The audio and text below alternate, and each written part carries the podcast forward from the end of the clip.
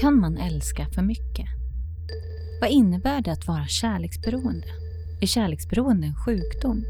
Och vad är egentligen skillnaden mellan ett kärleksberoende och ett medberoende? Och skillnaden mellan sexberoende och kärleksberoende? Agnes Novak är certifierad sexberoende specialist och arbetar med både sexberoende och kärleksberoende kvinnor på kliniken DBK i Stockholm. Efter att ha varit i kontakt med kvinnor som lider av kemiska beroenden upptäckte hon att det fanns en gemensam nämnare hos många av dessa. Problem med relationer. Hon började intressera sig för det här och kom i kontakt med problematiken kärleksberoende. Kärleksberoende är vanligare hos kvinnor än hos män. Men hur stor roll spelar biologin i det hela? Agnes menar att mer än vi tror sitter i våra biologiska system och att det finns forskning som bekräftar att män och kvinnor söker olika saker i sina partners. En kärleksberoende person klarar inte av att vara ensam. Den är besatt av att vara i relationer och kan redan på första dejten föreställa sig hur äktenskap och framtid ska se ut med personen. Kärleksberoende är kära i relationen mer än i själva personen. De söker sig ofta till otillgängliga partners där känslan av övergivenhet återkommer. Det beror mycket på anknytningstrauman från barndomen och det är redan där ett kärleksberoende uppkommer. Enligt Agnes går det att bli fri från kärleksberoende. Men hur går det till?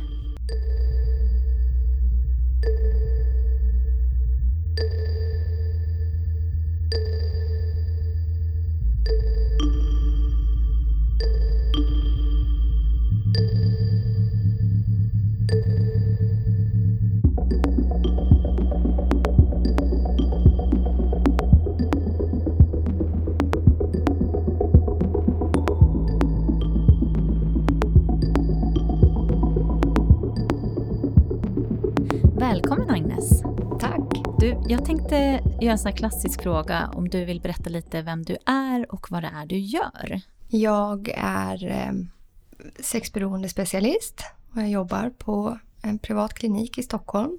Där så jobbar jag både med sexberoende men jag jobbar också med eh, kärleksberoende.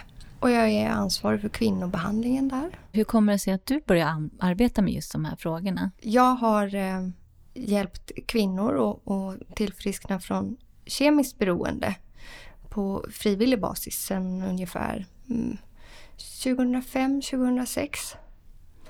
Och bland nästan alla de här tjejerna, eller väldigt många, så fanns det också relationella problem. Och de såg likadana ut. De följde samma mönster, det var samma symptom. och det var ungefär liknande bakgrund och jag blev nyfiken på det där. Mm. Så ja, det handlar om egna erfarenheter och nyfikenhet. Mm. Men sen också så finns det ju någon sorts eh, kvinnokampsmänniska i mig. Mm.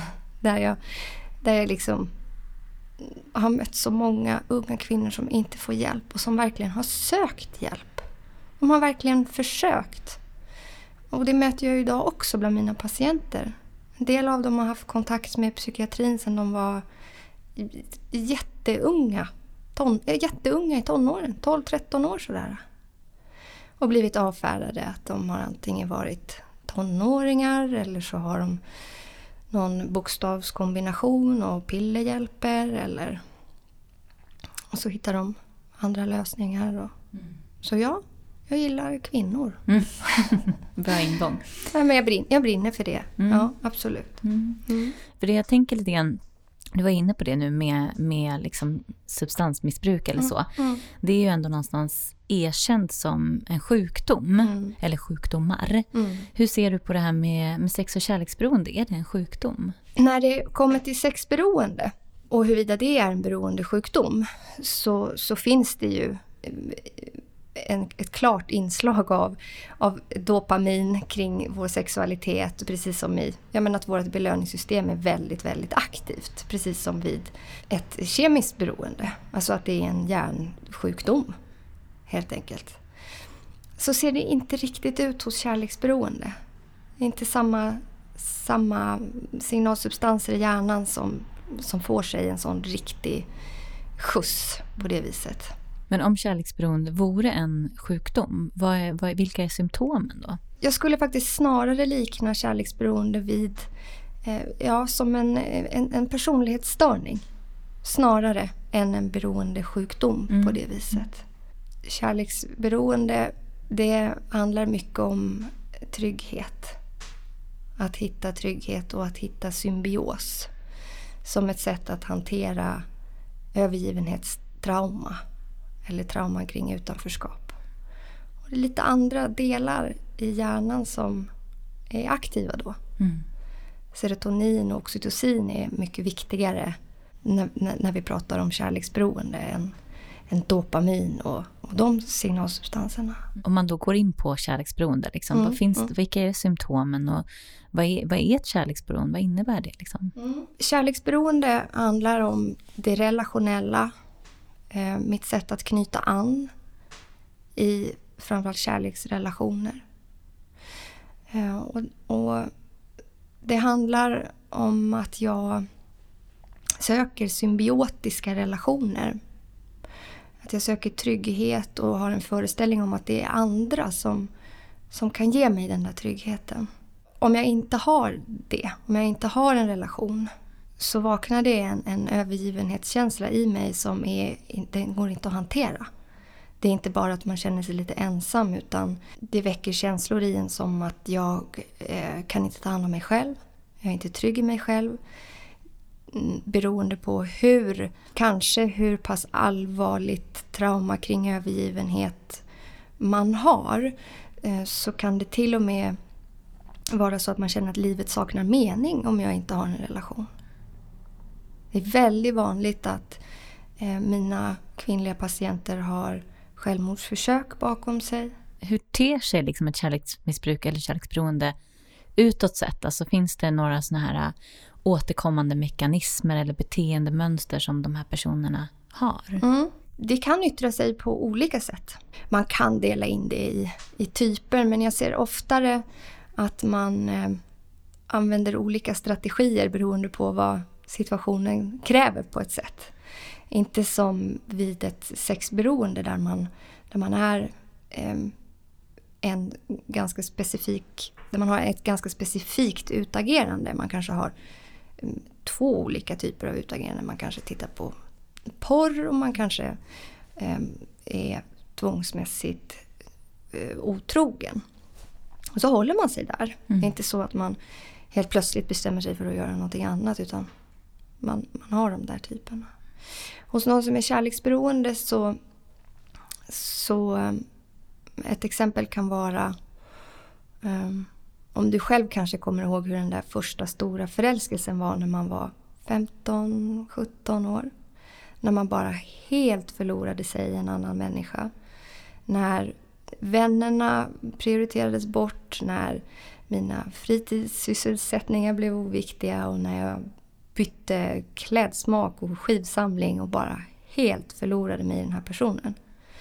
Ungefär så känns det. Daglig basis sådär, liksom, hur, hur ter det sig? Vad, vad, jag tänker, är det liksom att du håller i din partner liksom mm. fysiskt eller är det liksom att du, alltså jag tänker, vad, hur visar det sig liksom? Jag tänker att om vi, om vi börjar med den här inre föreställningen kring att jag ska göra vad som helst för att undvika att bli övergiven eller avvisad. En ganska vanlig, vanlig typ då.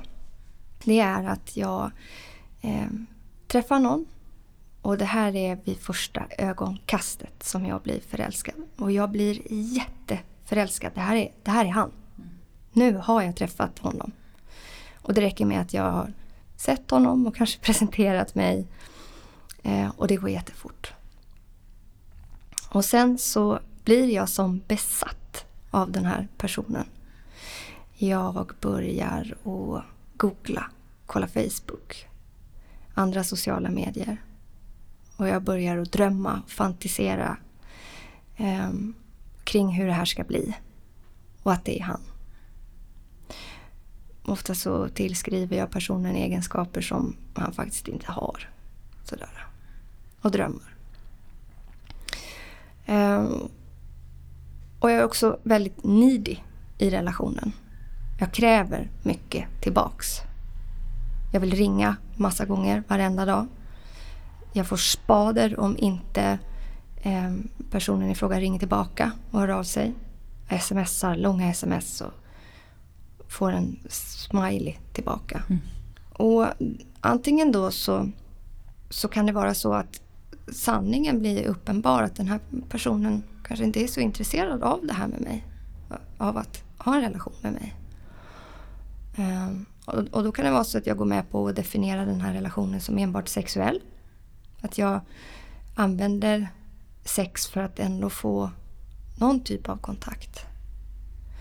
Eh, att jag har en föreställning kring att om jag ställer upp på sex så ökar det mina chanser till att få en relation en, en del, för en del kärleksberoende så är det här det, det första man tar till efter ett tag. Liksom. Så man träffas, blir blixtsnabbt förälskad, följer med hem, ställer upp på sex och tänker att nu, nu i alla fall. Det enda man har... Mm, upphetsningen ligger liksom inte i sexet utan det är snarare en del i, i, i ritualen. Själva eh, grejen är sen, vad som händer sen. Att det är relation man har siktet inställt på. Sen här då, så kan det bli lite olika. Kanske är det så att den här personen vill ha en relation med mig då. Och då ska det gärna vara någon som inte är särskilt känslomässigt tillgänglig. Eh, utan att jag, jag dras till det jag känner igen och, och vill vara övergiven i en relation. Det ska liksom bekräftas det där. Och med otillgänglighet kan handla om känslomässig otillgänglighet. Ehm, det kan handla om att personen har ett beroende utanför relationen. Alkohol, droger, kriminalitet. Det kan också handla om att inte vara fysiskt tillgänglig. Personen bor på andra sidan jordklotet eller är gift med någon annan. Här så, för kärleksberoende personer så spelar fantasier en jätte, jätteviktig roll. Dels så hjälper de till att dra igång en ordentlig förälskelse. Um, och, och, fantasier, det är någonting som, som uh, är... Uh, jag tror att alla, uh, framförallt kvinnor, gör i Ehm, början av en relation. Ehm, och det handlar lite grann om våra Eh, urvalskriterier och det finns en könsskillnad där. Att vi kvinnor vi letar efter tecken på åtagenhet och välstånd medan för män är det visuella viktigare. Det, det finns forskning kring det så det, det, det, är inte något generellt men det finns studier gjorda kring det här. Så att vi fantiserar lite grann. Det hör till att vi testar personen i fantasin. Hur ser det ut? om, som, som många gjorde när man var liten. Man testade sitt förnamn ihop med killens efternamn. Hur ser det här ut? Ser det här bra ut? Men att man, man, man fortsätter med det där. Och så kanske det blir uppenbart att shit, min fantasi den överensstämmer verkligen inte med verkligheten. Och då måste jag fantisera ännu mer för att inte verkligheten ska bli uppenbar. Att det kommer bli bra. Det kommer lösa sig det här. Bara det här händer eller bara det blir så här, så då kommer det att bli bra. Och då kan det antingen vara så att jag... Det här hjälper mig med att stå ut i situationen. Att, ja, det kan hjälpa mig att härda ut eh, våld. Saker som andra människor absolut inte skulle tolerera. Antingen så kan jag stanna kvar i den här relationen. Och att jag blir medberoende till relationen. Alltså att jag gör allt för att den här relationen ska fortsätta finnas. Eller så börjar jag att fantisera om någon annan. För att det ska vara möjligt för mig att undvika känslor av övergivenhet och kunna gå vidare. Så fantasier spelar en, en jätteviktig roll. Ja, men det, jag, det jag tänker på, för många av de här sakerna ligger ganska nära medberoende. Mm. Eh, och jag tänker att de jag pratar med till exempel så är det ganska vanligt att, eh, låt säga att en medberoende eh, tjej eller kvinna är tillsammans med en man som är aktiv narkoman till exempel. Mm.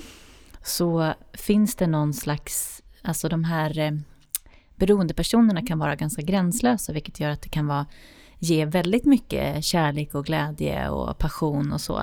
Medan sen finns det den andra sidan då när det är väldigt eh, traumatiskt och, och, dysfunktionellt och destruktivt. Mm. Men att många av de här då blir ändå lite besatta av den här personen, att man aldrig har upplevt en sån här kärlek. Mm. Eh, och att det ligger liksom med det här medberoendet, att försöka kontrollera det här, att försöka få det där braiga, liksom, den mm. där fina personen som finns där mm. Mm. och förändra. Vad skulle du säga är största skillnaden mellan kärleksberoende och medberoende så att säga? Eh, om, om vi bara skulle prata om det där med relationen mm. så är det för en kärleksberoende person inte så viktigt vem personen är. Utan det är relationen som är viktig. Att jag inte är ensam. Hur den andra personen egentligen har det. Det, det är inte det som är det viktigaste utan det är att jag inte är övergiven och ensam. Um, och sen vad jag kan se då, hos patienter hos oss det är att när man börjar och, och gräva då, om vi ska leta efter vad, men vad finns det för, för skillnader då. Så, och då kommer man också in lite grann på hur uppstår det här då. Mm. Um, och jag var, ju, jag var ju inne lite och påstådde att jag tyckte att det liknar mer en, en personlighetsstörning. Mm. Så, um, så, så, så kan man prata om då att det handlar om frustrerade behov. Att det är någonting som inte har blivit tillgodosett. Och att det är multifaktoriellt. Det handlar inte bara om att det har varit någon typ av dysfunktion i ursprungsfamiljen. Utan det kan också handla om eh, socialt, kulturellt, biologiskt. Men hos kärleksberoende så ligger skadan, eller det frustrerade behovet, ofta i anknytningen mm. tidigt med primära vårdgivare. Och väldigt ofta att det är en, en skadad och otrygg anknytning med mamma. Jag, jag vet inte varför, eller ja, det kanske jag gör, men det är bara spekulationer. Mm. Vad skulle du tro då? Nej, men jag tror att en, en biologisk mamma är väldigt viktig. Och jag tror att det handlar om just biologi jättemycket. Bara det här att det, att det liksom i samband med vår födsel sker ett eh, biologiskt, kemiskt band emellan oss. En kemi där vi påverkar varandras hormoner och signalsubstanser och att det är ett spel däremellan. Men det här, här har människor olika uppfattning kring huruvida en, en primärvårdgivare är eh, ersättningsbar. Vissa hävdar det. Andra hävdar att nej, det är inte ersättningsbart. En del säger att eh, det kan ske under en specifik tid, att det går att ersätta under medan barnet är under ett år och andra säger de första sex åren. Så det här är, här, här är forskningen alla är jättesäkra på deras egna teori mm. och det är ganska spretigt. Men, men för att återgå lite kring det här med skillnader och vad det, mm. vad det skulle kunna vara. I det här med, med anknytning och det är de här mest basala behoven som vi har. Eh, det handlar om tillgängliga föräldrar, tillgänglighet över tid. Jätteviktigt. Vi behöver ha tillgängliga föräldrar långt upp i åldern. Vissa hävdar att vi behöver vara över 20 år innan det där liksom definitivt eh, bryts, eller vad vi ska säga. Mm. Eh, vi behöver ha en stabil bas, vi behöver känna oss älskade för dem vi är, omhändertagna. Eh, och de där mest basala. Det behöver finnas en förutsägbarhet hos våra föräldrar. Att vi vet hur de kommer reagera i vissa situationer. Och ser ut som det ska hemma. Att jag vet att när jag kommer hem så kommer det vara på det här viset och vi äter klockan sex. upp, upp. Att det är ganska viktigt. Så man tänker att eh, barn till en alkoholist de kan till och med lära sig att lukta genom nyckelhålet. Att alltid ha alla tentakler ute. Ehm, det som händer då kring just anknytning så där när vi har en störd anknytning det är Ehm, att det uppstår sår i oss, mm. kan vi säga. Kring då övergivenhet, ensamhet, utanförskap, att vi inte känner oss delaktiga. Um, därför det är ju så att när vi föds så är vi människor helt beroende av att det är någon som tar hand om oss. Och bara det då när vi, när vi föds, att vi börjar att kommunicera det här så fort vi kommer ut. Att någon ska knyta an till oss. Vi kan eh, beröra på taktila punkter på kroppen. Små barn som krafsar på ovansidan av, av bröstet. Det är en sån riktigt taktil kran.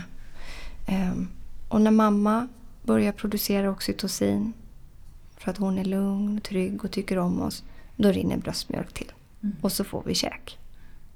Så att hela vår främsta överlevnadsinstinkt är knyt an till mig. Och det här fortsätter vi ju med. Och sen så ska vi bryta det här. Vi ska också bli, jobba med vår autonomi och bli självständiga och, och få en, en, en tillit till vår egen kompetens. Att vi klarar oss själva. Och det där, den, den första brytet där då, är det som folk kallar för trotsåldern. Ett ord jag verkligen inte tycker om. Jag tycker vi ska döpa om det till autonomifasen mm. istället. Där vi börjar att testa våra förmågor, kan själv. Hur, hur, ehm, hur vi blir bemötta då är ju det är jätteviktigt för om vi ska säga att i anknytningen handlar det om vår självkänsla och i autonomin handlar det om vårt självförtroende. Alltså vår kompetens. Och hur vi blir bemötta där då. Att står vi vuxna passivt och väntar på att vårt barn ska be om hjälp? Och hur ber vi då om hjälp? Eller hur ger vi då hjälp, ska jag säga. Vår lilla treåring ska knäppa dragkedjan själv och det är jätteknepigt. Kan vi då passivt stå och, och vänta och när barnet ber om hjälp att vi bara pillar in den här lilla nedersta delen i dragkedjan och säger nu, nu klarar du resten själv. Eller är det så att vi tar dragkedjan ur händerna på, på barnet och säger du, nu vet du vad, nu gör mamma det här för nu har vi inte tid med det här, nu måste vi gå iväg. Och just de där två faserna eh, är det ofta som det finns skador hos de som är kärleksberoende. Just kring anknytning och autonomin. Eh, och då är det som att man fastnar i det där. Att jag har inte blivit omhändertagen. Att jag får en föreställning om att jag är inte trygg i mig själv och jag kan inte ta hand om mig själv. Hos medberoende eh, så ser jag oftare att det handlar om att ett annat behov har blivit väldigt frustrerat och det är att fritt få uttrycka känslor och behov. Att jag kanske i, i mitt familjesystem så har andras känslor och behov varit mycket viktigare än mitt. Och, eller mina. Vilket då skapar en, en annan föreställning eller inre dialog eller sätt att knyta an som, som är mer handlar om självuppoffring och underkastelse på ett annat sätt. Att det är lite olika. Mm. Jag vet inte, håller du med mig? Mm, jo men absolut, det finns verkligen delar i det där. Det är ju en, det är väldigt många som, som är osäkra på den skillnaden, för gränsen, alltså det är mycket som påminner, men sen är det ju lite grann att det tippar över då åt, åt något håll. Mm. Men man pratar ju ofta om sex och kärleksberoende som en, en hel, vad ska man säga, mm. att det hör ihop. Mm. Vad är liksom skillnaden då på sex och kärleksberoende och enbart kärleksberoende så att säga? Här, här är vi ju lite olika. Mm. Sådär. Mm. Men, en följdfråga bara. Eh, finns det liksom olika kärleksberoende också? Ja, jag tror att vi menar inte samma saker. Nej. De som säger sex och kärleksberoende. Mm. Och kanske vi som jobbar med just den typen av eh, problematik. Mm. Det är riktigt sådär. Men eh, jag är inte jättebra på historien kring hur det här har uppkommit. Men jag tror att det handlar om det ursprungliga tolvstegsprogrammet som heter SLA. Eh, där man använder det här uttrycket sex och kärleksberoende. Mm. Där, man, där kärleksberoendet handlar om den typen av sexberoende som vi kallar för förförelse och erövring. Eh, förförelse och erövring handlar snarare om att vara kärleksundvikare. Mm. Inte alls om att vara den här typen av kärleksberoende som jag har beskrivit. Så det, det där är, är, ett missförstånd. Vill jag påstå. Mm. Ska jag säga. Eh, det, det, här är ju luddigt. Alltså det finns ju ingen, um, inga, ingen klockren diagnos i någon bra manual så att man bara kan hänvisa till en massa oberoende forskning och sådär. Utan än så länge. Eh, utan eh, det är så som, som jag ser på det och så som den klinik jag jobbar på ser på det. Mm. Så det är olika saker. Eh, ett annat vanligt missförstånd är att det skulle handla om bekräftelsebehov. Jättevanligt att eh, hjälpsökande ringer och säger ja, jag har ett jättestort bekräftelsebehov. Okej, okay, och vad gör du då? Ja, jag är otrogen hela tiden. Okej. Okay. Eh, och, och, att man... Jag tror ju inte att det finns någon människa som har ett större bekräftelsebehov än någon annan. Vi har alla ett behov av att få bli bekräftade. Ett ganska stort behov av att få vår existens bekräftad. Problemet är när vi gör om det där och, och, och, inte ser det hälsosamma sättet att bli bekräftad. Alltså, jag blir bekräftad när någon ser mig, när någon hör mig, när någon validerar mina känslor, svarar an på dem. Utan att vi förvränger det och, och ser det som att när jag blir sexualiserad, då bekräftas min existens. Och så gör vi om det. Så att det är då blir jag bekräftad. Men jag blir sexualiserad, inte bekräftad. En annan fördom då som jag upplever att jag får från folk är att, att eh, nu har ju du pratat lite om kvinnor och sådär, men att det är liksom som att kvinnor eh, tenderar att vara kärleksberoende och män sexberoende. Jag har inga som helst eh, vetenskapliga belägg. Däremot så, så ser jag ju i mitt jobb att den där eh, fördomen stämmer ganska väl. Eh, vad det beror på, det tror jag är massa olika anledningar. Det finns de som hävdar att rent eh, biologiskt så är det relationella viktigare för, för kvinnor och det sexuella är viktigare för män. Det finns andra eh, hypoteser. En, en, en vanlig grej tror jag är ganska kulturell faktiskt. Och det är att, nu kommer vi in och pratar om mammorna igen. Mm. Eh, att mammor tenderar att vara tuffare och hårdare mot sina döttrar. Ställa högre krav och putta ut dem tidigare ur boet. Medan de tenderar att vara mera, knyta an mycket hårdare till sina söner. Inte släppa taget, inte bryta den där symbiosen. Um, vilket då det finns begrepp kring det här. Man kan kalla det för att vara silently seduced. Alltså att man har haft en väldigt invaderande förälder.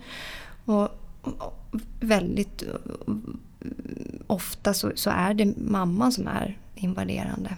Och då tenderar man att, att snarare bli kärleksundvikare. Det skapas två olika dialoger i, i, uppe i... Det skapas två olika inre dialoger. Hos en kärleksberoende så handlar det om att jag kan inte ta hand om mig själv. Jag är inte trygg i mig själv. Och hos kärleksundvikaren eller den som har blivit invaderad så skapas det en dialog som säger du kan inte ta hand om dig själv. Utan att det är, jag går in i relation utifrån plikt och utifrån att eh, men känslomässiga band är väldigt obehagliga. Så att man har ständigt dåligt samvete för att man inte finns där för sin förälder som eh, gärna också påtalar det. Att varför kommer du aldrig och du ringer aldrig. Och kan du hjälpa mig med det här? Och sådär. Att man, man har använt sitt barn som ens stora stöttepelare i livet. Och då är, det, då är det vanligare att man blir kärleksundvikare och att man använder den typen av strategier. Eh, sen är det ju så här att de där två personerna passar ju varann som hand i handske. Och om vi skulle gå in och prata lite om, om sexberoende så är ju en typ av sexberoende förförelse och erövrare. Ehm, där man ofta hör den här historien. Att man har en förälder som har varit väldigt invaderande. Att de får den här inre dialogen att du kan inte ta hand om dig själv. Och en kärleksberoende har ju själv den föreställningen. Jag kan inte ta hand om mig själv. Men det är intressant också, för jag tänkte på det där med en, invader, en invaderande eh, förälder. Mm. Att det upplever jag ligger ganska nära också medberoendet. Att en förälder kräver så väldigt mycket utav mm. sitt mm. barn och mm. att barnet då får ta väldigt mycket ansvar mm. över föräldern. Liksom. Um, så det finns ju mycket som, som ligger nära varandra som, mm. som jag kan se. Men en fråga då. Nu pratar vi väldigt mycket om relationer, men jag antar att alla kärleksberoende kanske inte lyckas hamna i en relation. Nej, nej. Hur, hur ter sig det här då? Eh, I ett ständigt sökande. Och det kan man... Det är inte ovanligt att man använder dejtingsajter. Eh, det är inte ovanligt att man går in i en ambivalens också. Att man, att man desperat längtar efter en relation. Samtidigt som man är livrädd. Och så använder man strategier kring det där. En, en annan typ av, av kärleksberoende, eller ett annat sätt det kan yttra sig på, är att man har flera relationer på gång samtidigt. Eh, och det här är också då något som man kan blanda ihop lite grann med, ja men inte det sexberoende nu då? Sådär. Eh, nej, därför att en stor skillnad är att den som är kärleksberoende är lika besatt och åtagen i alla de här relationerna. Eh, jag hade en, en, patient som beskrev det så, så himla bra. Hon sa att ja, det är som att jag har massa hästar i stallet och så ska jag mata dem med havre. Och så blir de jätteglada varje gång som jag gör det där. Och de måste vara där allihopa. Det är viktigt att de är allihopa i stallet och, och jag måste ta hand om dem allihopa. Um, och det kan handla om bara små sms, att man måste kroka ut Hej, hur har du det? Till att man hela tiden är tillgänglig för sex eller för som stöd eller som bank eller som boplats eller som... Men att man är engagerad. Och om man skulle prata om att det, att det skulle handla om ett sex... Om, om det skulle vara ett sexberoende så skulle det snarare vara så att jag har sådär många relationer för att slippa vara åtagen i någon. Så där är en, en, en skillnad. Så bara vid första anblicken så är det ju jättesvårt att avgöra hur, vad är det här? Varför håller du på så här? Utan man behöver gräva i mer det känslomässiga ta reda på de här. Personer söker, patienter söker ju hjälp hos dig. Mm. Och jag tänker att de flesta de måste ju komma till någon punkt, någon insikt eller liksom, mm. eh, kan du se någon sån här gemensam nämnare eller när, när eller eh, hur, varför mm. kommer den här personen till dig? Vad är det som har på något sätt varit botten eller mm. vad man ska mm. kalla det? När man är, har blivit lämnad i ensamhet söker man hjälp. Om, jag, om vi tittar då på den, den de som är sexberoende på kliniken så har ju de väldigt ofta en anhörig som puttar på dem och säger nu får du gå eh, och söka hjälp. Så är det inte med de som är kärleksberoende.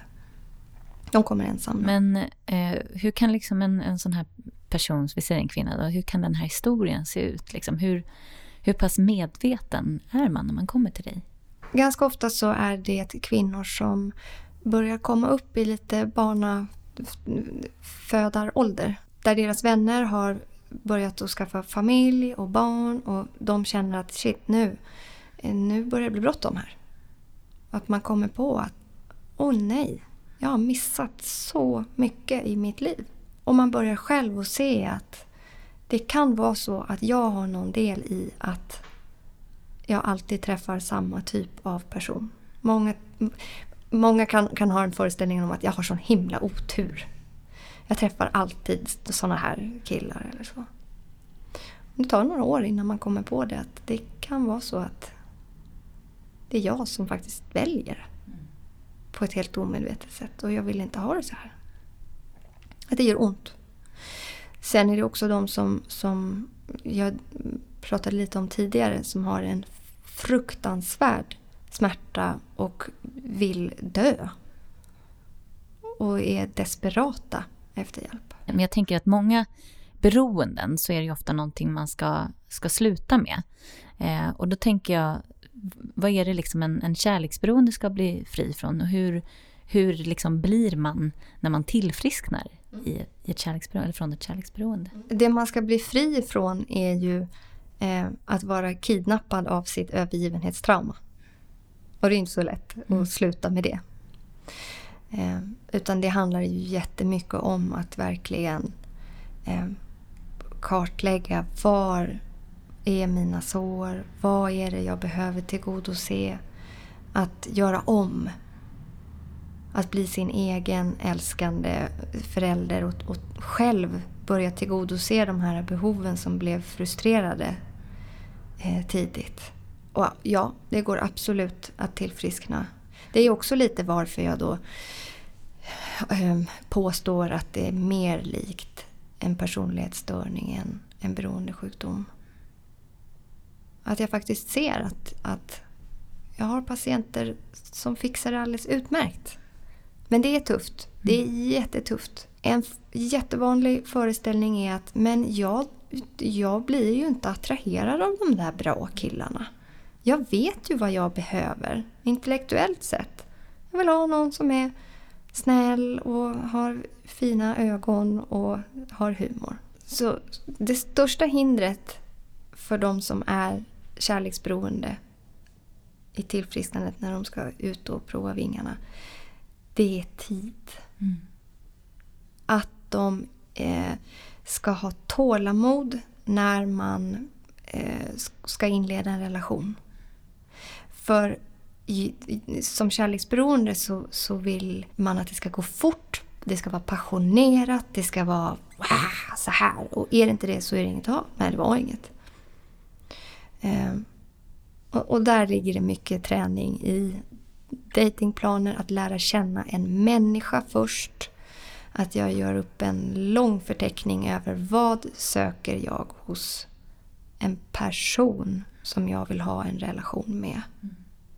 Och sen hur långt, att det här arbetet med att lära känna den här personen måste komma först. Innan jag fattar beslut kring vill jag vara i relation med den här människan. Att det är liksom inte något man, man bara kastar sig in i utan att man ska ta det lugnt och försiktigt. För många, eh, en, en klassiker är om jag har någon, någon patient som har verkligen så här i slutet och känner att jag har gjort en, en datingplan och jag ska ut nu och prova den och sen så kommer de tillbaka och nej men det, det funkar inte. Ja, men jag har ju bara träffats en gång. Oh, nej men jag kände att det var inget bra. Och så går man igenom det där hur, ja men vad hände då?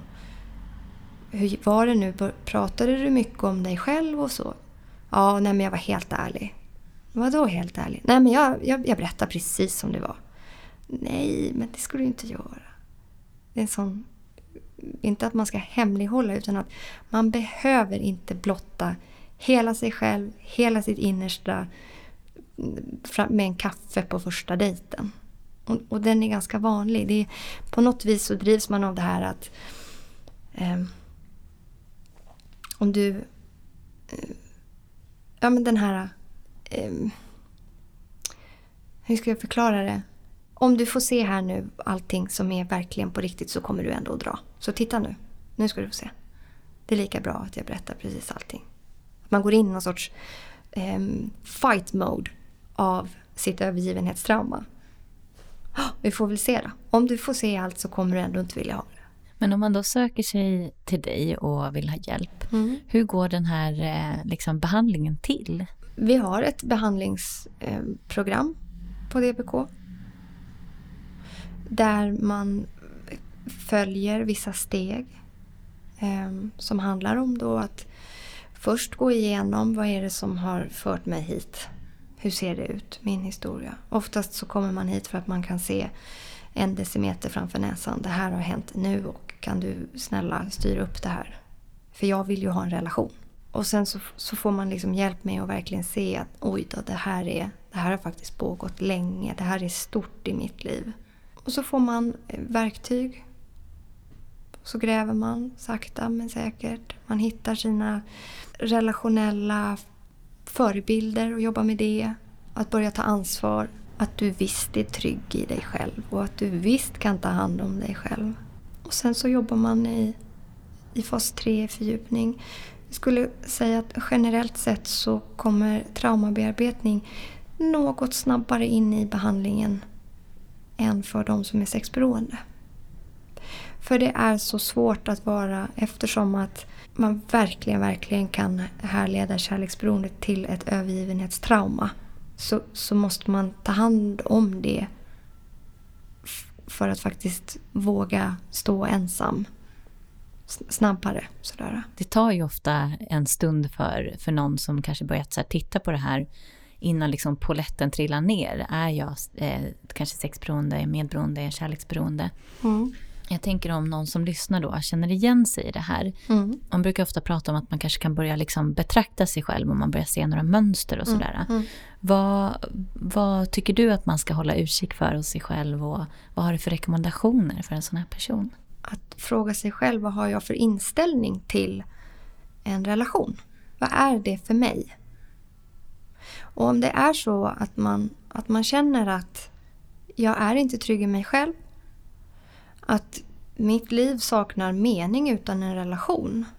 Så, så behöver man kanske, okej, okay, skruva upp varningssignalerna lite och börja kolla hur ser det här ut? Har du, har det sett ut så här alltid eller när började det här och varför då? Sen så tror jag att det är jätteviktigt att man skaffar sig ett stöttande nätverk runt omkring sig. Det kan vara jättesvårt att mm, prata med, med bara sina vänner sådär. För oftast är det så här att kaka söker maka. Så är jag en kärleksberoende person som hela tiden är ute på jakt för att leta efter en relation. Så väljer jag också sådana vänner som gör på ungefär samma sätt. Det är bara det att de bakomliggande orsakerna kan vara olika. Så att jag kan ha vänner som är ute och bara har eh, kul och tycker det är härligt att vara, vad vet jag. Eh, fast jag har en helt annan drivkraft i det här. Så upplever man själv att det här gör känslomässigt ont i mig. Så tror jag det är bra att, eller det är väldigt enkelt att man börjar att jämföra sig med andra som har ungefär samma beteenden och tänker att ja men fast de gör ju också så. Så har, upp, om man känner att nej men jag tror att det här, det här gör ont, det här är ett problem. Eh, att man försöker att hitta mm, ett stöttande nätverk i det. Det finns självhjälpsgrupper, tolvstegsprogram. Att man eh, kollar på nätet, att man läser. Biblioterapi är jättebra. För att se om man kan känna igen sig. Leta efter likheter. Och sen att man söker professionell hjälp. För att tillfriskna ifrån ett kärleksberoende behöver man hjälp. För det handlar ju, som jag sa, om att man inte har en tillit till sig själv och sin egen förmåga. Och det behöver man få hjälp med. Mm. Hade man klarat det själv, då hade man inte hamnat där man har hamnat. Bara lite avslutande sådär. Mm. Har du något exempel på någon person som är lite som en vad ska man säga, solskenshistoria. Alltså hur det har gått från när man kommer till dig till att liksom ett då fungerande, tillfrisknande liv liksom kan se ut. Jo, men jag, jag har en, en fin historia. Och då är det eh, en kvinna som faktiskt också hade kemiskt beroende. Som blev nykter ifrån det. Och grejade det ganska så bra sådär. Men eh, var i det här kärleksberoendet. Eh, och det, det slutade med en relation där hon blev avvisad, ett självmordsförsök och eh, tvångsvård. Eh, och hon fick hjälp med sitt eh, kärleksberoende och träffade ganska så snabbt en ny relation. För så är det ju för kärleksberoende. Eh, ganska snabbt. Eh, och jag är, jag är ganska noga med att inte, inte när jag jobbar med kvinnor så, så dömer jag aldrig ut någons förälskelse. Om någon kommer och säger att ah, jag har träffat någon så säger jag aldrig till dem att nej men det får du ju inte göra. För att jag kan inte värdera någons förälskelse Just med tanke på den här historien Mm. har jag lärt mig det. Och den här relationen var tuff. Den personen var också tillfrisknande. Men eh, den har hållit i tio år och det är två små fina barn. Så att ja, absolut. Mm. Men det är inte lätt, utan man behöver jobba med det. Ehm, absolut. Det behövs... Det är ingenting som går att fixa på tio gånger i terapi. Nej. Utan det är långtidsterapi som behövs. En nära... En sådär klassisk grej, jag vet att jag och Erik Sundby pratade om det också, att man, man är lite rädd, så här, men vadå ska jag sluta ha sex? Eh, och då tänker jag som, alltså om man är sexberoende då. Mm, Och om man är kärleksberoende så här, får jag inte ha relationer. mm. Men som jag förstår det rätt så handlar det mer om att hitta sunda relationer till slut. Liksom. Jag ska lära mig hälsosam anknytning. Alltså hur, hur knyter jag an till en annan människa på ett hälsosamt sätt? Och, och då kan vi använda WHOs definition av hälsa som är alldeles ypperlig. Mm. Fullkomligt välbefinnande känslomässigt, psykiskt, mentalt, fysiskt kring en, en hälsosam relation. Jag tänker vi lägger ut kontaktuppgifter så om man vill söka sig till dig och, och kanske fundera mer kring det här med Mm. kärleksberoende och så. Men jag vill tacka dig så himla mycket för att du har verkligen fått eh, förtydligat den här bilden av kärleksberoende. Mm. Tusen, tusen tack. Ja, tack för att jag fick komma. Är du mer nyfiken på kärleksberoende? På vår hemsida kan du komma i kontakt med Agnes och DBK. Där kan du också få tips på böcker som handlar om kärleksberoende. På vår hemsida finns också mer information om medberoende och vad du kan vända dig för att få hjälp med ditt medberoende. Medberoendepodden.se är adressen och adressen till DBKs hemsida är dbksverige.se. Glöm inte att följa oss i sociala medier. Där hittar du oss under namnet Medberoendepodden.